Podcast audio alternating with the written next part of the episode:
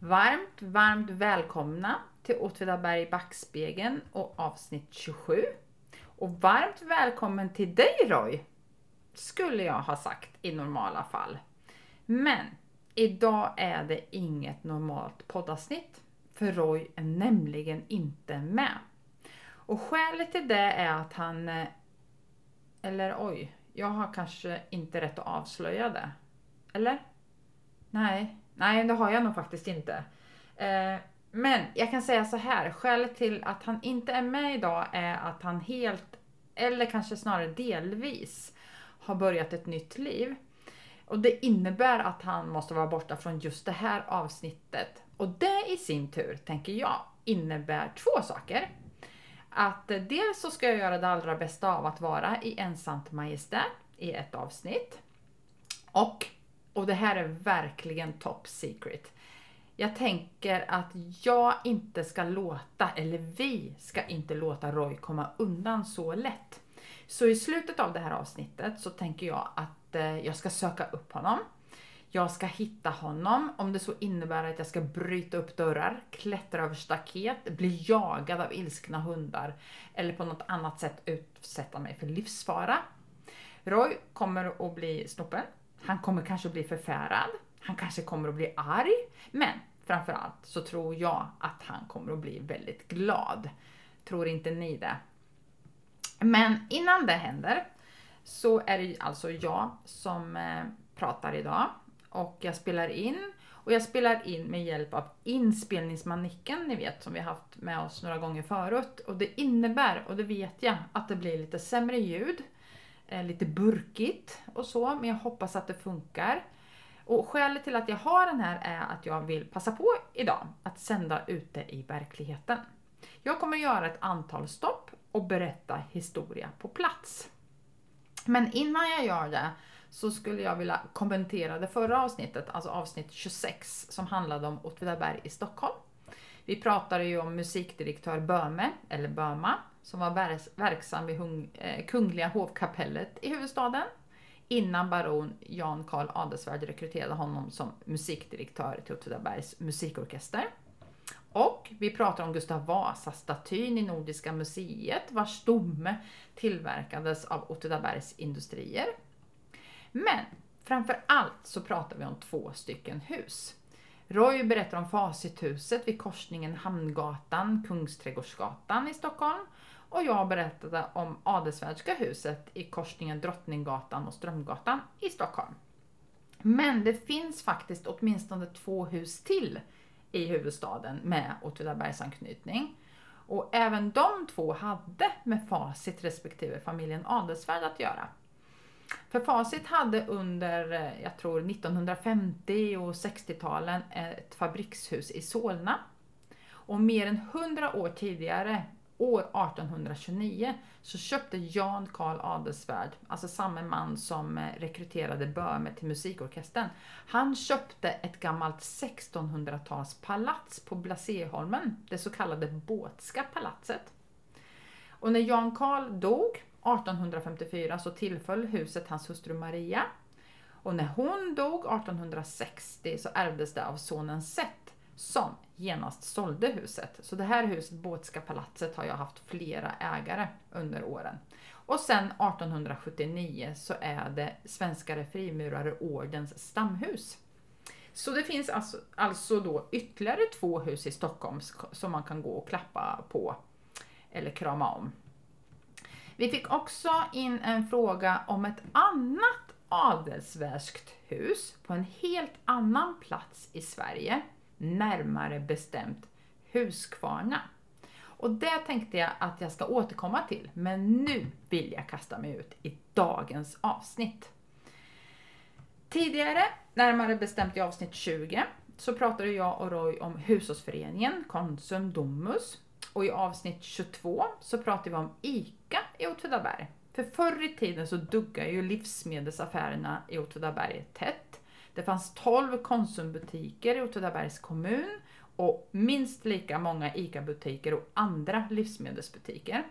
Och gällande ICA så berättade jag ju då om speceri och mjölkaffären på krönet av Bäckstedtsgatan med bageri i källaren som hette Olle Anderssons specerier. Och det var Olles pappa Malkus, som öppnade den affären. Sen år 1955 så öppnade Olle Andersson också Ålivs på Sunnebotorget och senare så kom den affären att drivas av sonen Hans. Men i det här av, i det avsnittet, i avsnitt 22, så hann inte jag berätta om de andra ICA-affärerna i Åtvidaberg som drevs av andra personer. Så det tänkte jag att jag skulle passa på att göra nu och samtidigt då besöka några av de platserna där det en gång har funnits en affär. Så häng med nu för nu kör vi iväg.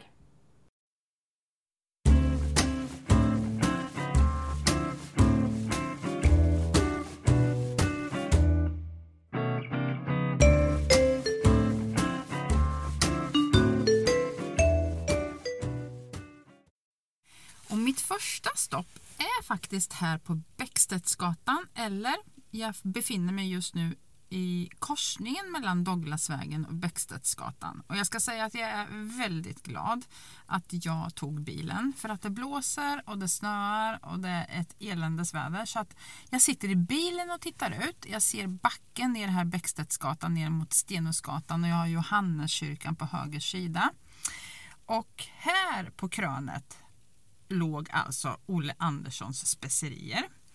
På, mitt emot Johanneskyrkan ligger ett vitt, en vit villa där idag och ett gult hyreshus.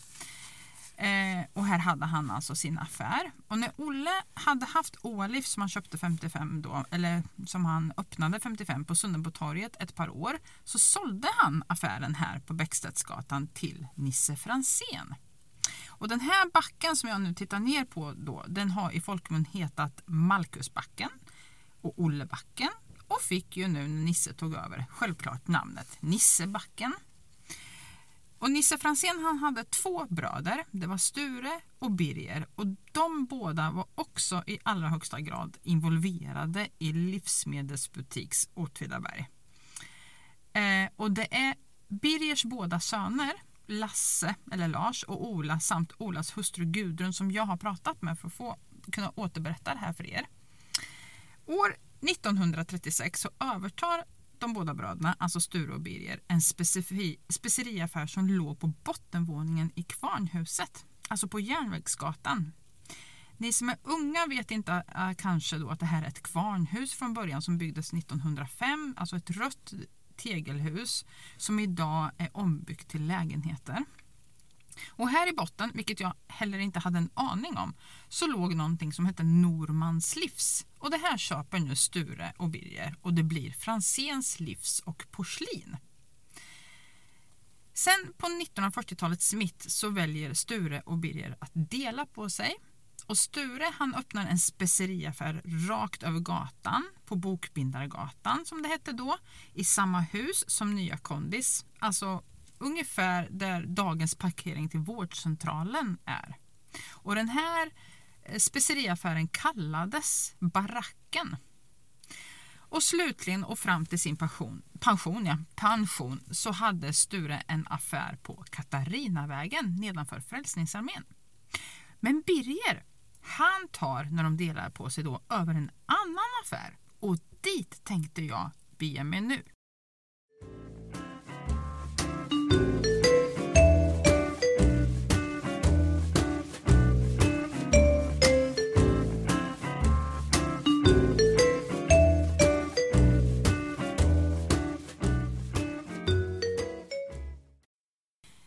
Jaha, nu har jag åkt Douglasvägen fram och sen svängde jag höger på Silensgatan in på Ringvägen och så åkte jag tvärs över Villavägen och har nu stannat på Jan Karls väg. Och ni kanske misstänker var jag befinner mig. Om jag tittar här till vänster så ser jag ett, ett ganska stort vitt hus och sen finns det vidhängt en liten mindre byggnad med skyltfönster och länge kunde man se konturerna av att det stod ICA här på fasaden.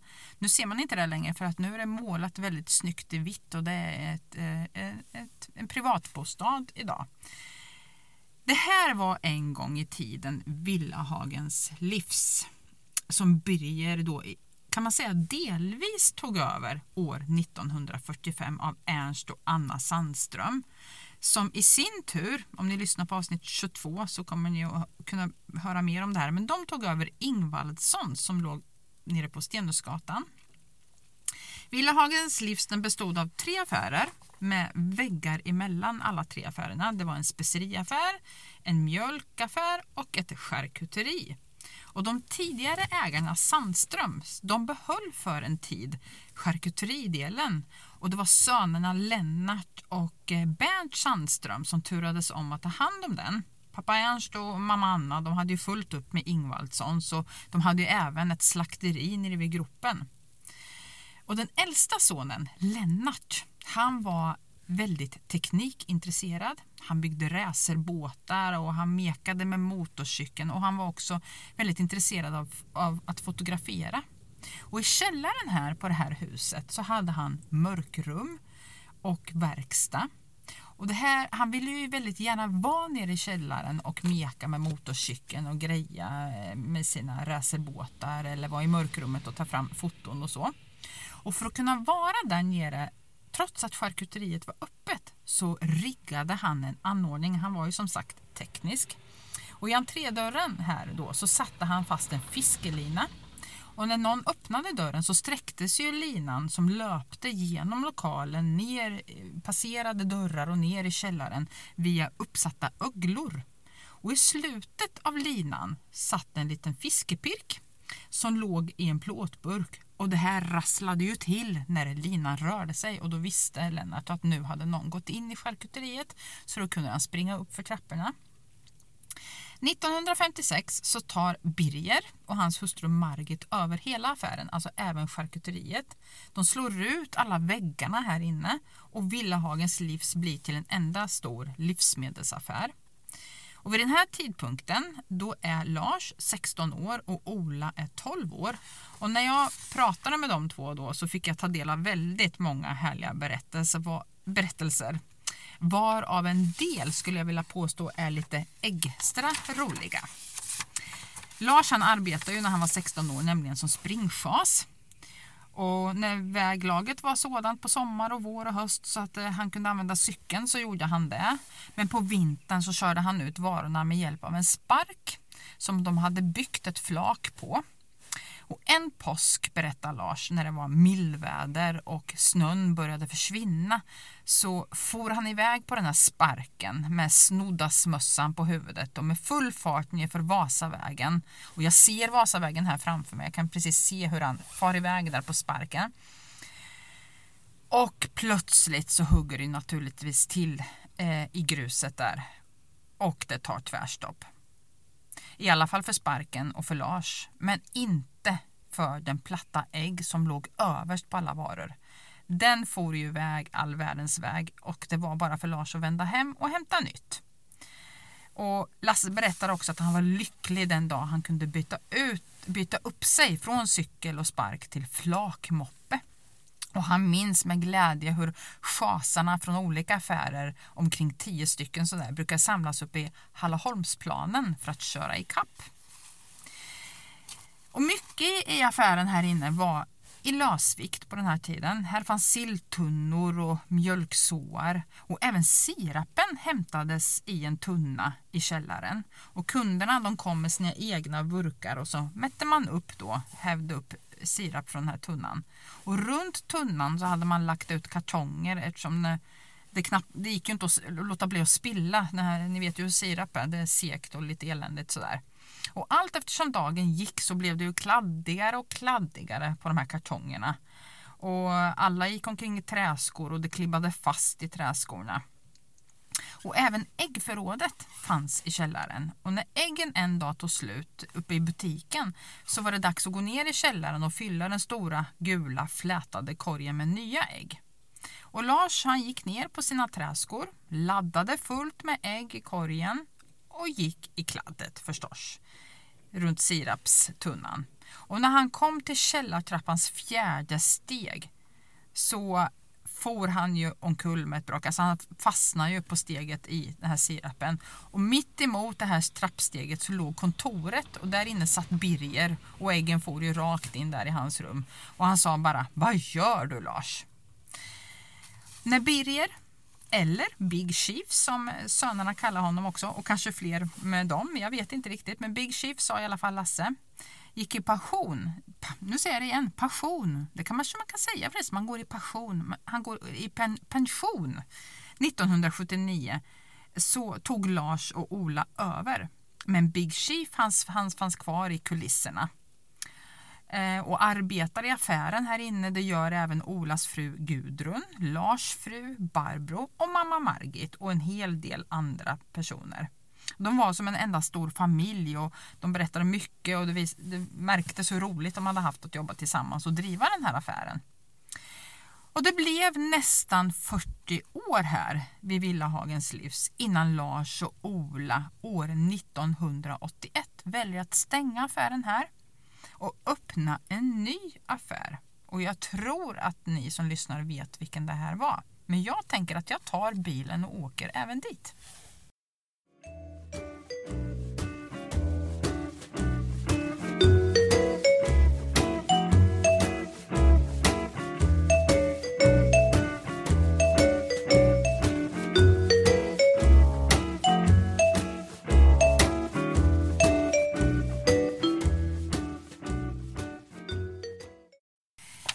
Eftersom jag som ni ju vet bodde på andra sidan järnvägen, alltså vid Sunderbotorget när jag var liten så minns inte jag alls Villahagens livs. Jag tror inte att jag någonsin var där, tyvärr.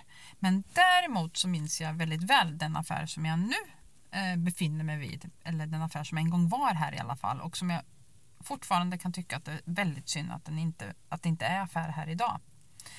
För 1981 så öppnar Franzéns, alltså Ola och Lars, ICA-parken som ligger mellan Folkparken och Gruvgatan. Och med nya ägare så kommer ju den här affären så småningom också att heta ICA-källan.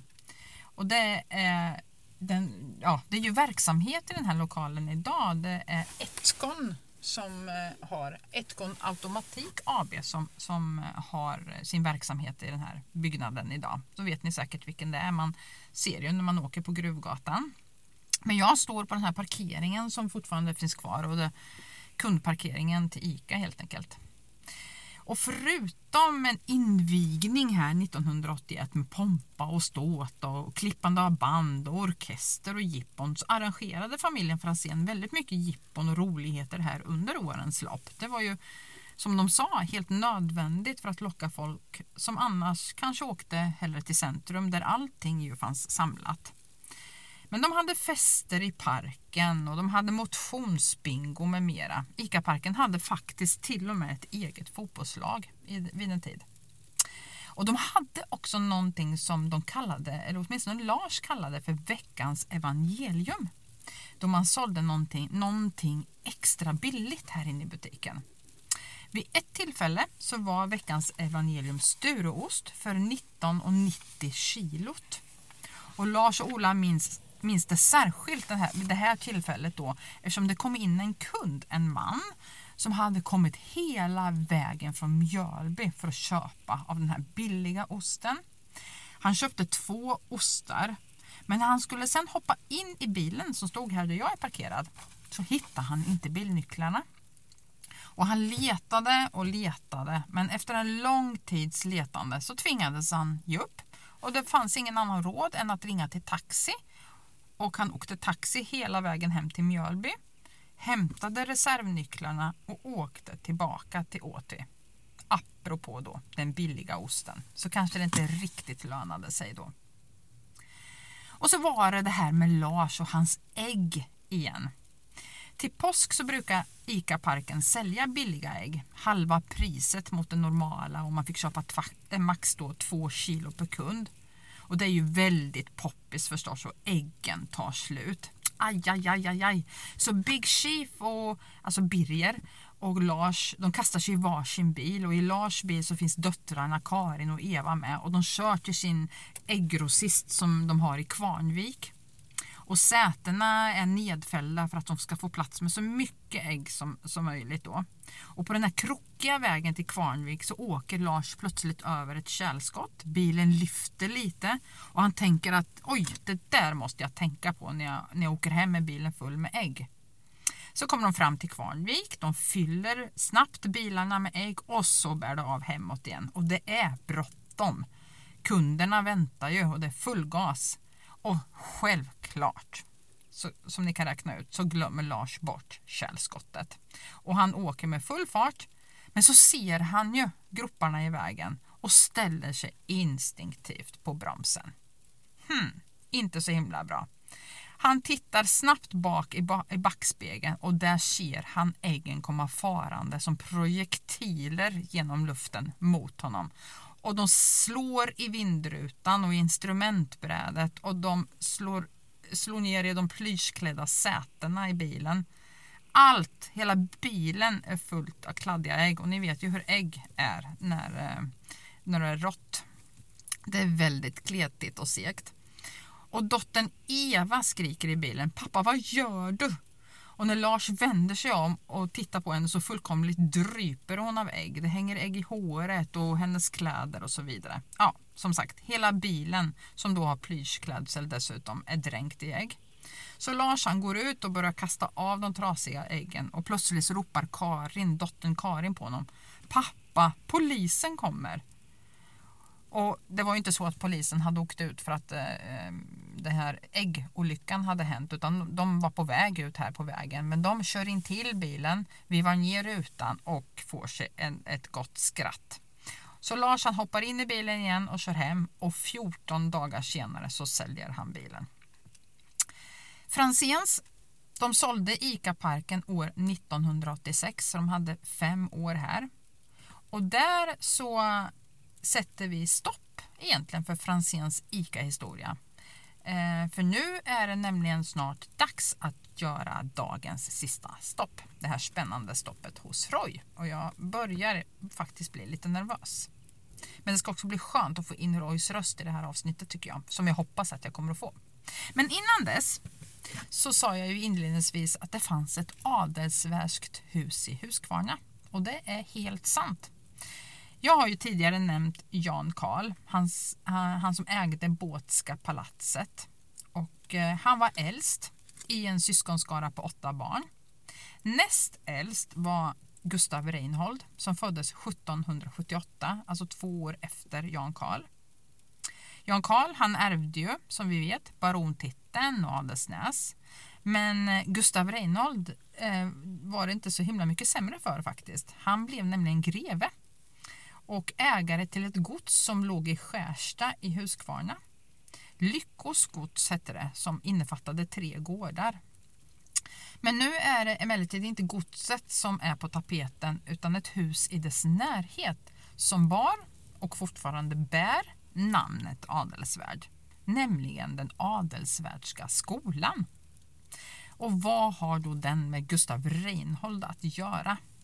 Jo, berättelsen som jag har tagit del av via den man som nu bor i skolan eh, är att Gustav Reinhold hade en son som omkom i en ridolycka. Och skolan uppfördes då till minne av sonen och för att torparbarnen runt omkring här skulle få, läsa, få lära sig läsa och skriva.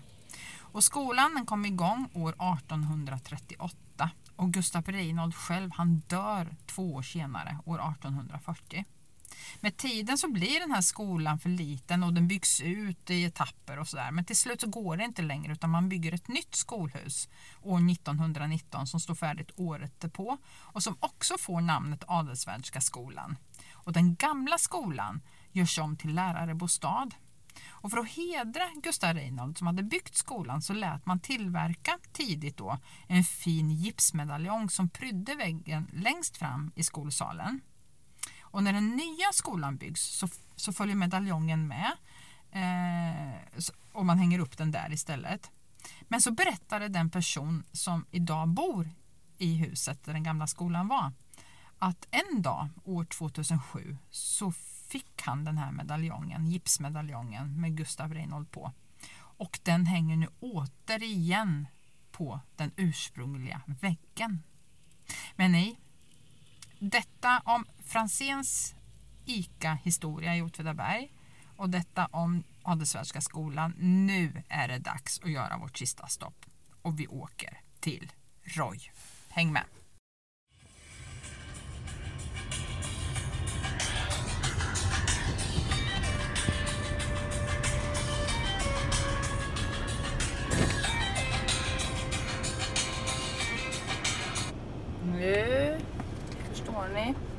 Börjar närma mig och eh, ska försöka hitta en parkeringsplats här. Lite nervös är jag. Sen vill jag passa på innan jag ska bryta mig in här där jag hoppas att Roy befinner sig nu då. Så vill jag också säga att, eh, om jag ska försöka stänga av bilen här samtidigt som jag pratar. Mycket, mycket grejer här nu. Jo, då vill jag säga det att självklart är vi ju jättenyfikna på era egna minnen från de här affärerna vi har pratat om.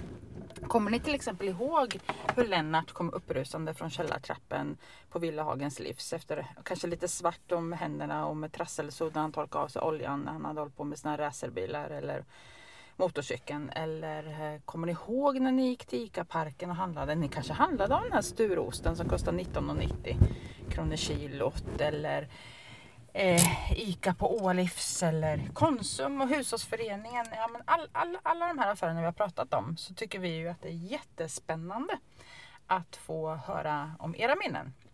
Och det kan ni skriva om på Facebook-sidan och det vet jag att ni också gör. Men jag vill verkligen uppmana er att, att göra det nu vid det här tillfället. Och sen eh, kan man ju också skriva ett mail till oss om man hellre vill det. Och då är det ju eh, podcast podcast brukskultur.se Men nu förstår ni så ska jag gå ut ur bilen här nu. Hoppas att det inte blåser så mycket så att ni inte hör. Men jag vill ju gärna ha med er hela vägen här när jag ska göra denna, denna detta överraskande moment. Ska vi se. Nu går vi ut här tillsammans. Jag känner ju ändå att ni är med mig nu. Så. Mm, låsa bilen. Jag tror att jag vet att han är här inne. Nästan, eller jag är ganska säker. Nästan helt säker. Ska vi se. Går vi här. Mm. Nu har slutat blåsa faktiskt. Nej, det hade det inte. Skulle jag inte ha sagt. Här är dörren jag ska forcera. Och den var ganska lätt forcerad, det var ju tur det. Sen kommer jag här, står det några personer. Går vi in. Hej hej! God morgon, god morgon. Kan man eh, ta sig in här i lokalerna? Tack! Nej, det gick ju lätt. Fortsätter vi in här. Så smyger vi oss in. Här är spännande förstår ni. Gå vidare här. Ingen Roy. Ingen Roy. Ska vi se. Camilla, kommer du på besök? Jajamän! Vad roligt! Ja. Eller hur? Ja. Ja, Ja, ja. det var du inte med på. Nej. Nej, och jag har liksom eh, så här funderat på om det skulle bli, nu vet jag inte att det, nu blir jag så stressad här. Du får hålla manicken. Ja. Den har, ja, du får se. Vilken fin strumpa du har Ja, jag på. vet. Ja. Visst är den fin? Ja. Ja, hoppas att det har funkat nu med den här inspelningen. Det är ju inte helt lätt. Nej, men det tror jag nog. Ja, och lite så här burkigt har det, har det blivit, har Ja, jag hört. ja, men men eh, det får vara så. Det är ju inte riktigt som att vara i en studio i Nej, Stockholm. i Stockholm. Det är det ju inte. Ja, ja. Men du, här har du fint. Ja, Ska, ska jag slå mig ner här hos dig eller? Nej, men gör det. Ta en Ja, stund. jag tar den här. Du kan stänga dörren. Ja, gör det. Så att vi inte stör någon. Först nu ska ju du berätta var vi befinner oss. Det här är ju otroligt spännande för alla inblandade. Måste jag Ja. kolla så den här manicken är på också så jag inte missar att spela in. Eh, men jag ska säga att jag har varit på lite turné här innan, själv. Ja, okej. Ja, Mm, och det vet du ju att jag Ja, skulle. Ja. Så jag har pratat lite Franzéns ICA kan man väl säga. Framförallt. Mm. Men, sen har nu, jag... nu vet ju inte lyssnarna var vi är. Nej, Nej. Eh, och vi är ju på min nya arbetsplats. just det. Jag har sagt så här att du helt eller delvis har börjat ett nytt liv. Ja, Jag har inte ens sagt att det betyder ett nytt arbete. Men det är en Nej. ny arbetsplats. Ja, just ja. ny arbetsplats men ungefär samma slags jobb som jag har gjort förut. Så, Mm. ja. så nu är vi alltså, vi sitter alltså på i, i, i min arbetsplats på Nya kommunhuset. Mm. Ehm, Fint har du. Ja men jag tycker också det. Ja, Ja. Faktiskt. Ja. Ja. Så att, ehm, och, och nu när, när du har kommit och besökt mig och när jag har börjat jobba här och, och då kan det ju vara passande att prata just om kommunen, kanske eller kommunhusen. Vi fortsätter Ja. med, med det här. Vi var ju inne på byggnader förra Precis. Förra ja, ja. eh, ja. avsnittet. Och jag ska bara säga, det, det var vi. Och jag har kompletterat den eh, Stockholms, eh, Åtvidaberg i Stockholm lite. Men det får Ja. ni lyssna på som de andra sen. Ja men precis. Så, eh, mm, Ja, så ja. det, det Och jag har ju inte riktigt haft tid nu att kunna göra en, en, en podd. Nej, men precis. så Och det är därför jag- lite, Ja precis, lite. Så, men det var ju bara en Annorlunda. engångstillfälle. Ja. Så, så vi hoppas att lyssnarna har stått ut med att lyssna på mest mig. Mm. Men eh, det är härligt att ha med dig i slutet här nu. Ja men precis. Ja. Ehm, vi har ju alltså mm, Idag har, ju, idag har ju kommunerna en mängd uppgifter på agendan. Mm. Eh, Så här. Och på många orter är ju kommunen den största arbetsgivaren. Ja. eh, Eller åtminstone bland de största. Eh, Så att liksom, den kommunala förvaltningen har ju svällt under, under 1900-talet. eh, Ja. Så här. Men, men Och sen, nu har de tagit in dig också. Ja men precis, svällt ännu mer. Ja. ja. Men, men alltså det har ju alltid funnits någon form av lokalt självstyre i Sverige. Det är ju en sån här typisk svensk företeelse kan man säga. Eh, och då är det framförallt socknen som man brukar hänvisa till som eh, administrativ enhet eller vad man ska kalla det för. Och vi, har ju, vi återkommer ju ofta till socknen när vi pratar. Eh, Sockenstämmoprotokoll och vi, man, man, när vi tittar i kyrkböckerna så är det ju socken uppdelat i, i olika socknar och så här då. Eh, och från början, socken är ju ett gammalt begrepp. Det är ju ett, ett, ett senmedeltida begrepp. Eh, Eh, eh, på ett område utanför städerna Mm. främst då. Där invånarna i det här området har gått ihop för att kunna eh, bygga en kyrka och avlöna en präst. Jaha, så det är som är själva ursprunget? Det är själva ursprunget. Det har en, Mm. en, en religiös eh, Mm. eh, ett religiöst ursprung kan man säga. Mm. Men, men sen började sockna- socknarna allt mer och mer ansvara för mm, invånarnas väl och ve. Eh, Även sånt som inte var av religiös art. Exempelvis då eh, man bestämde saker kring fattigvård och skola och lite andra sådana saker. Då. Eh, Framförallt om vi kommer in på 1800-talet. Mm. Så. Men det här gör man om. 1863 så trädde den nya kommunalförordningen i kraft. Eh, och där delades det på borgerliga och kyrkliga Mm. kommuner. Jag tänkte säga det, hade det att göra med att, man, att det andra var liksom för kyrkligt präglat? Ja men man ville väl ren, jag tror man ville Renodla. renodla Ja. det här i och med att man, det var en slags uppblandning Mm, eh, mm. utav, utav det här då. Mm. Eh, Så den första sekularisering egentligen? Ja, ja Kanske? det skulle man väl kunna, kanske Mm, kunna säga. mm. Ja, ja. Ehm, så i de kyrkliga kommunerna ersattes sockenstämman med en kyrkostämma. Och i de borgerliga kommunerna eh, då, eh, så ersattes sockenstämman med eh, kommunalstämma. Mm. Så kan man väl Mm. säga. Så då är våran en borgerlig kommun? Ja, precis. Alltså Åtvi menar jag då? Ja, precis. Mm. Och i och med det så, så, så bildas då kommunen så som vi känner den idag. Mm.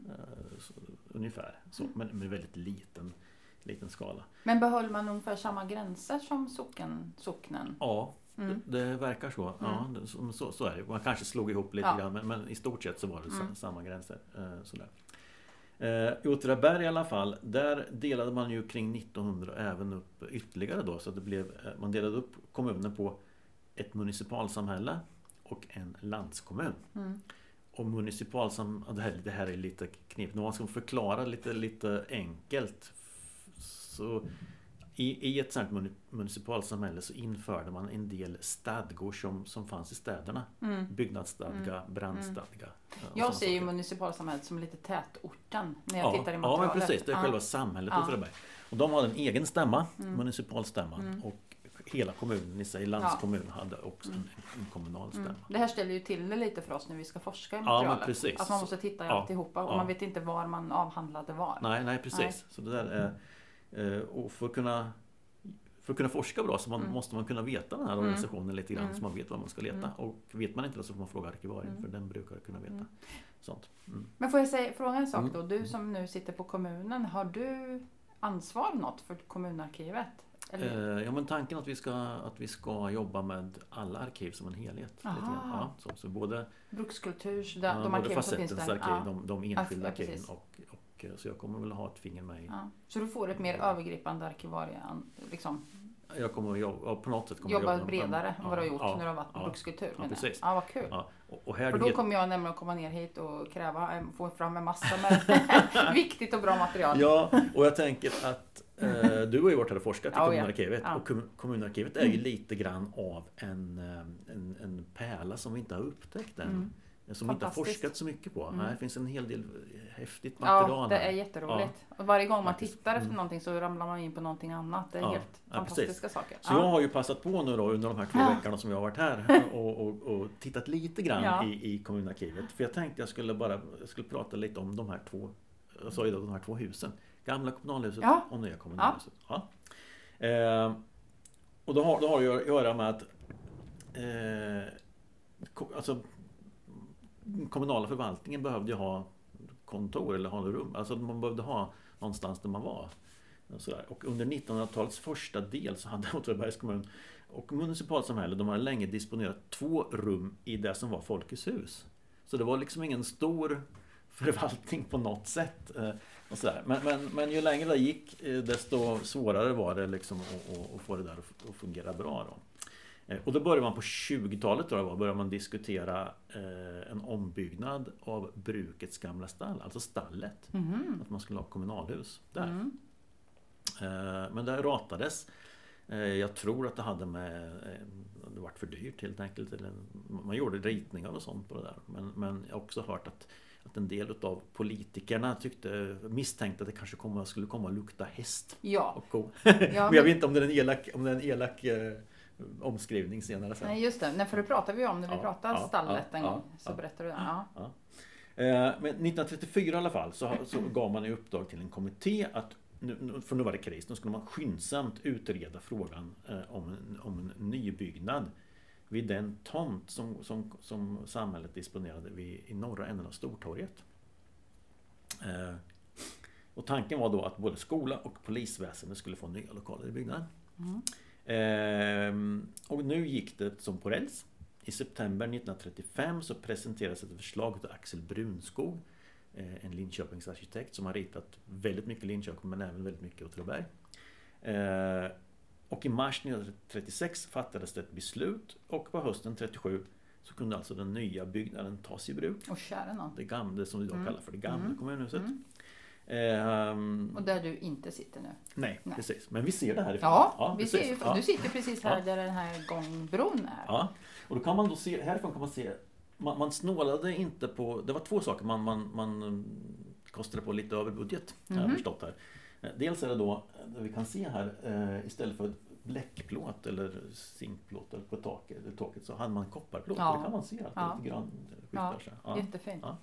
Och så hade man också skiffersten i socken. Ja. du se när du går ut. Så. Ja, just det. Så Ja. la man bäckfallsten runt om, Ja, precis. Ja. Och det kan vara så att det är bäckfallsten även på Ah, även så. precis som på Adelsrödska Ja, jag vet inte riktigt. Ja, det Mm. kan, det kan Många tycker ju, tror jag, i alla fall kanske av Åtvidabergare och så, att huset är ganska fult.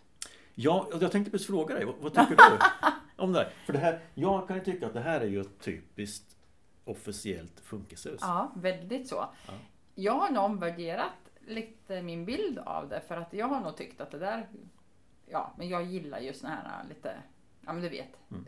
eh, snickeriglädje, Ja, eller vad ja, heter det? ja, Ja, men när det är ja. lite smyckat och vackert och sådär. Men sen har jag ju förstått att andra som, som kommer på hit på besök av vänner till mig och sådär, Ja. de blir ju helt lyriska när de ser det här. Ja. Så jag har faktiskt omvärderat min bild av kommunhuset. Ja, ja. Att det, det är ju väldigt fint. Ja. Det är ju det är väldigt speciellt. Ja men precis, men det, det är liksom väldigt fyrkantigt och Ja. Om du kommer till Boxholm någon gång Mm. så ska du ta en titt på det gamla kommunhuset i Boxholm. Ehm, därför att det är en slags miniatyr utav Åtvidabergs kommunhus. Det ser nästan likadant Mhm. ut fast i mycket mindre skala. Mm, vad kul. Ja, en så jag vet liten inte.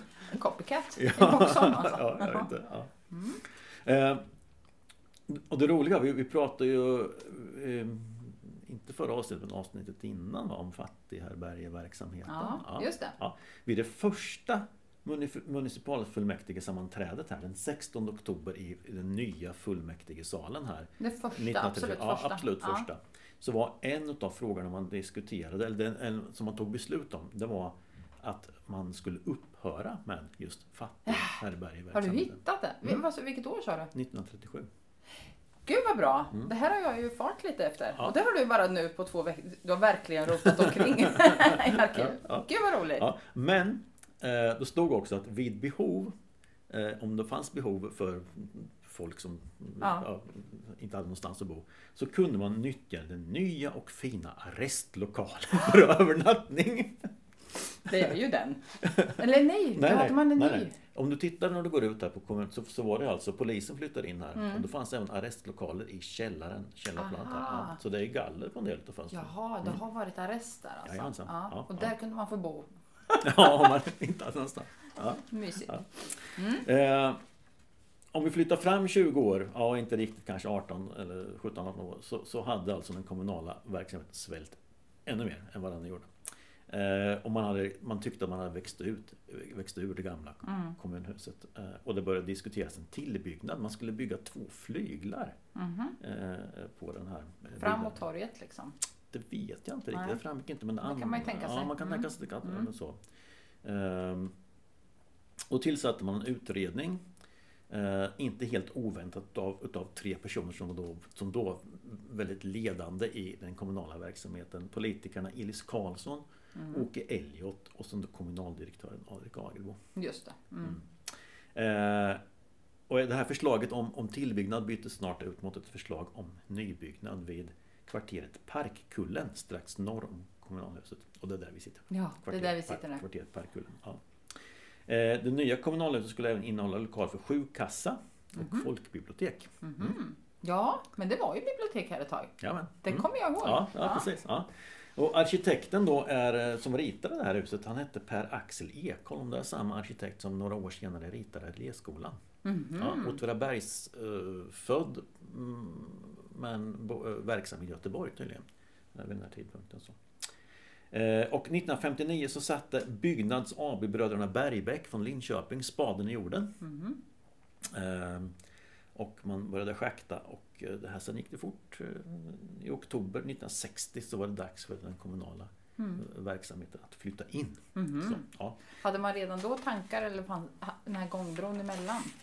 Nej. Fanns den från början? Nej, nej, nej. nej. Eh, Den senare, Ja. mycket senare. Mycket senare, Ja, mm. ja, så. Men, men kommunala verksamheten flyttade in, biblioteket fick vänta och sjukkassan väntade lite grann tror jag. Så. Men, men tanken var precis som du sa att här nere på bottenplanet Mm. Så, så, så var då biblioteket. Mm. Och de fick nya stora fina lokaler. Mm. Eh, och det fanns, det fanns nyheter 1961. Eh, man hade ett läsrum, hade man inte haft förut. Eh, och man hade en särskild ungdomsavdelning. Ja, men... Mm. Och öppettiderna utökades men var fortfarande endast öppet på kvällstid. Jaha. Ja, man öppnade klockan 16 och sen Mm. hade man öppet ett par timmar på, Mm. på kvällen. Så här. Och på vintern så hade man också öppet en timme varje lördag. Mm. Eh, Och man anställde för första gången en eh, stadsbibliotekarie eller en som hade he- helhetsansvar över Mm. verksamheten. Innan det så hade det varit lite grann bibliotekarierna har varit personer som har gjort det lite grann på sidan om. Mm. Eh, Så. Kommer du, ihåg, du kommer ihåg biblioteket? Ja. För, för jag gör ju det också. Eh, Jag vet inte om jag, man gick ju in i den här änden där jag sitter. Någonstans här. Ja. Och jag, jag kommer inte ihåg att jag, jag, jag lånade säkert böcker men det jag kommer ihåg var att jag satt och lyssnade på musik. Precis, Mm. för det var det jag gjorde också. Mm. Och jag kommer bara ihåg jag kommer heller inte ihåg vart man gick in. Jag kommer ihåg att det var här på bottenplan. Mm. Och jag kommer ihåg, för jag kommer ihåg att man kunde titta ut lite över torget här Ja, framme. ja, Eller ja, det kanske man inte kunde. Men jag kommer ihåg fönstren man tittade ut. För jag tror det var där de hade såna här freestyle-hörlurar typ. Eller såna stora. Ja, ja men sådana stora Ja, som man kunde... stora och så, och så pluggar man in Ja, det där. Och så, ja. fick, och så fick man beställa. Den här Ja. skivan vill jag lyssna på. Och Ja. så satt det, Det var jättehäftigt. Ja, Ja, ja. så det är det jag kommer ihåg också. Ja, Ja, Mm, vad kul. Eh, själva kommunalkontoret låg på mellanplanet. Här uppe, Mm. alltså på våningen upp här. Och på tredje våningen låg byggkontoret och skolexpeditionen. Mhm. Mm.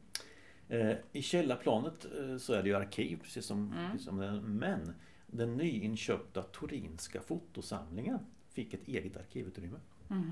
Så hade där- man köpt Ehm, alltså den har varit placerad på an, jag vet inte riktigt var, men man har köpt Nej. den av familjen Thorin helt Ja. enkelt. För, och då har vi fram, köpt den för att bevara den för Ja, framtiden. ja. Så. Jättebra ja. Ja, Mm.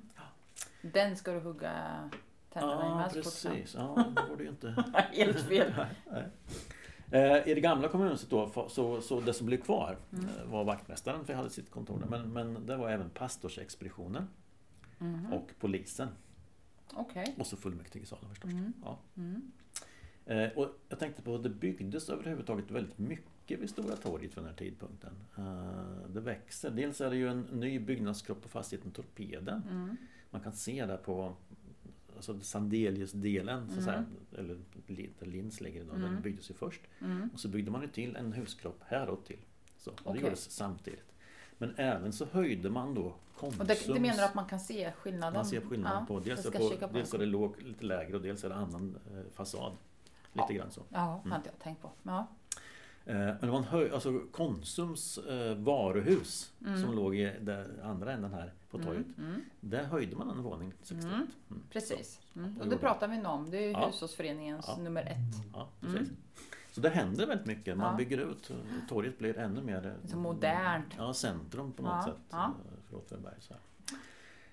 Men jag sa ju att de kommunala förvaltningarna har svält. Mm. 1970-talet så, blev, så, blev, eh, så räckte varken det gamla eller det nya kommunhuset till längre. Eh, 1977 så beslutade kommunfullmäktige efter en hel del rabalder eh, att kommunalhuset skulle byggas till och byggas om Mhm. invändigt. Sådär. Eh, Alternativet som diskuterades var ett hett, och som var ett hett förslag det var att flytta in i Facits gamla tomma kontorslandskap i, i det som vi idag kallar facetten. Det var, och det var mycket, mycket diskussion kring det där. Eh, Efter 40 inlägg i debatten efter tre voteringar eh, flera reservationer utav, utav fullmäktigeledamöter och en bordläggning utav hela frågan Nej, så bestämde sig fullmäktige då för att satsa på kommunalhuset istället för att flytta till facetten. Det var en eh, het fråga. Det var väldigt, en väldigt het fråga. Eh, sådär. Eh, och vad man gjorde var att man byggde till en vinkelbyggnad. Det är den som går längs med Adelsvärsgatan idag. Mm. Mm. Eh, sådär. Eh, på 850 kvadratmeter. Mm. Det här huset, man bytte, bytte fasad. Den, den gamla fasaden var ju brun. Mm. Eh, brun et, eternit. Mm, Man mm. bytte den mot en ljusare gulaktig eternit. Eh, sådär. Eh, man, man byggde om invändigt, man, man förbättrade ventilation och, och värme och, och, och sådana saker. Man bättre personal och sammanträdesrum. Jag trodde du menade bättre personal. Ja, Just det, man bytte ut personal. Det är då, det är då du kom in i bilden. ja. Mm. eh, och sen så hade man, satte man in en ny handikappvänlig hiss. Mm. Sådär. Och kåren som skriver om det här, de, de beskriver det som en stor investering eh, utan onödig lyx. Mhm. Helt i, i, i, kommunal anda kan jag Mm. tänka mig. Eh, sådär. Eh, och sen har det ju inte hänt så mycket egentligen. Ja, invändigt har det ju hänt. Man har ju Mm. byggt om här invändigt förstås eh, ett flertal gånger. Sådär. Men, men just, just själva eh, exteriört så är det ju bara den här bron som vi ser här. Mm. Som, och den gjordes ju inte för inte så många år sedan. Nej, det Det är väl var- på 2010-talet. Okej, ja. Mm. Och nu förra året tror jag så bytte man fasad igen. Ja, precis. Ja. Och så gjorde man ju lite Kanske mer eh, motiverat onödig lyx då. Och så lite rabalder om de här gardinerna i Ah, ja, ja, precis. Det blev en, en het fråga. Det är också en het Ja, fråga ja, som jag inte går in på. Ja, jag förstått. Men värt att notera är ju då att, att eh, det här förslaget att man skulle flytta till det som idag kallas facetten har man ju genomfört successivt. Med att kommunalförvaltningarna har, har svällt ännu mer så att säga. Så, Mm. så idag sitter ju eh, en del utav förvaltningen sitter ju nere i, i, i facetten. Mhm. Eh, Sådär. Så Mm. att man, man har ju nytt, man, Man har man, man nyttjat. kom dit, I alla dit fall. ändå. Ja. Ja. Mm. Men, men det är ju eh, Alltså det är ju en spännande utveckling på något Mm, sätt. verkligen. Ja. Mm. Ehm, och, ehm, Och spännande att du bara så här helt utan att ha en aning om att jag skulle komma kunde berätta så här mycket. Ja men precis. Du är verkligen Ja, ett ja, med ja. kommunalhusen nu. Ja. Mm. Ja. ja, kul kul. Du, jag tänkte bara som avslutning. Mm. ehm, så... Ja, jag har en liten Har avslutning du också en avslutning? Åh, Ja. vad spännande! Ja, ska jag ta den först kanske? Ja. Ja, för jag tänkte... Du ska bjuda mig på semla. Det är det som är din avslutning. Ja, det, det kanske jag borde ha gjort. Nej! Men jag tänkte en utmaning så eller så. Ja, nu, nu, och, jag- En uppmaning? nej, en utmaning. Ut till ja, mig? Ja. Nej men oj. Eh, men jag sitter här och eh, gör, lite- jag gör lite reklam för en sak jag pysslar med just nu. Mm. Jag, alltså ska, jag håller på att skapa en tipspromenad som jag Mm. tänkte man skulle kunna gå i påskveckan eller påsk till påsk. Jättekul. Ja. Eh, där man med hjälp av sin mobiltelefon går en runda i Åtvidaberg och där det så plingar till och så kommer det upp frågor. Eh, Och då tänkte jag man skulle knyta det till olika saker som vi har pratat om i podden. Jättekul! Är det här en Eh. kommunal eller en brukskultursak? För, eftersom du sitter på två stolar egentligen, eller Ja, hur? precis. Eh, Den kan bli kommunal. Ja, Mm, kul ju. Ja, precis. För det är de som, som har den här, Ja. själva instrumentet som Ja. jag jobbar med. Och det spelar programmet. egentligen ingen roll för din, dina Ja. två stolar går in i varandra. Ja, Mm. ja, precis så. Det är kanske inte Ja. ens två Så stolar. jag, så jag tänkte, du och Mats brukar ju ut, gå ut och gå så här. Ja, det är den som sjö här, men jag tänkte nu kunde ju gå den där tipspromenaden. Och jag tänker så här att kan Jättegärna. man testa er kunskap eh, och kan man testa hur mycket Mats har lyssnat på poddarna och så kan, Ja. man, så, och så kan man ju utmana dig och säga att du borde kunna alla frågorna. På Ja. mm. Hur Så många se. frågor är det? Jag vet inte riktigt, jag är inte riktigt klar med Nej. det där än. Men det kan bli Men en gud, kul. 13, 14, 15 Ja. kanske. Och när får vi testa den då? Före påsk förstår jag. Men, Ja, jag får, får se. ja. Ja, se men det gör jag jättegärna. Ja, ja. Ja, så kan vi återkomma Ja, precis. kring... eh, Ja. Och så kan ju alla andra åtvidabergare som lyssnar på podden också gå ut och, och, Abs- och gå. ja. ja. Ja, Och sådär. gud tänk om jag inte kan alla frågor. Det vore ju fruktansvärt Ja. pinsamt. Men det är klart. Ja. Ja, ja. ja men bra, Mm. jättekul, det gör jag jättegärna.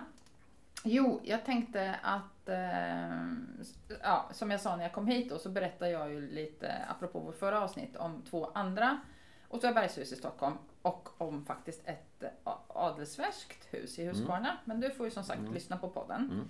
Eh, Men nu som avslutning så tänkte jag lyfta en fråga som vi har fått in från Göran Boson. Mm. Mm. Eh, liksom sin far så arbetar ju Göran som chaufför för Facit. Det har vi varit inne på tidigare också Mm, mm. och berättat om dem. Mm. Eh, och han hade ju, båda, båda två, hade ju då naturligtvis för Facits räkning en hel del körningar till Stockholm. Mm. Och i huset då på Hamngatan, Kungsträdgårdsgatan, där Facithuset är, Mm. eh, inne i Stockholm, Mm. så hade Elof och Olli eh, Eriksson en fin våning. Visste du det? Alltså en, eh, En lägenhet, en alltså. lägenhet. En övernattningslägenhet. Nej, det framgick nog inte i den där beskrivningen. det visste Göran. Ja. För han körde ju dem Mm, dit då. Och han sa att den kallades för dubbletten, mm. den här lägenheten. Jaha, Mm, kul va? Ja. Och Göran... dubblett av vad? Ja, precis. Jag vet. Nej. Nej, men det här har jag försökt att ta reda på. Ja, Och Göran och själv undrade ju varför. Och den här lägenheten den låg alltså längst upp i huset, så det var en Mm, takvåning. Mm, ja. Eller penthouse ja, som man sa, ja, lite modernt sådär. mm, mm. Och så frågade jag faktiskt Staffan Eriksson Mm. och han bekräftar ju att den här lägenheten fanns för det första. Och han hade själv övernattat där någon gång. Så. Men han sa bara, och jag vet inte om han hade kollat med sina syskon också, för han sa att han kom fram till att det var en tvårummare, så det var inte en jättelägenhet. Och sen var det ju då ett li- litet kök till då. Ja. Men han tror helt enkelt att det var för att det var en tvårummare med kanske då två ganska identiska rum som Ja, gjorde att den kallas för dubbletten, okej. Så det är i alla fall det svar jag har fått. Ja, så jag ja. hoppas Göran är nöjd med Ja, det. Så det var lite kul. Där bodde man bra. Där måste man ju ha bott fantastiskt bra. Vilken utsikt. Mm. Kul. Men du, om jag fick börja det här avsnittet alldeles själv, Mm. eh, vilket jag ändå tyckt har gått ganska bra, men det är Mm, ingenting jag vill göra Jag tycker det är roligt att vi gör det ihop. Ja. Så jag är i alla fall väldigt glad att vi tillsammans kan säga Hej då!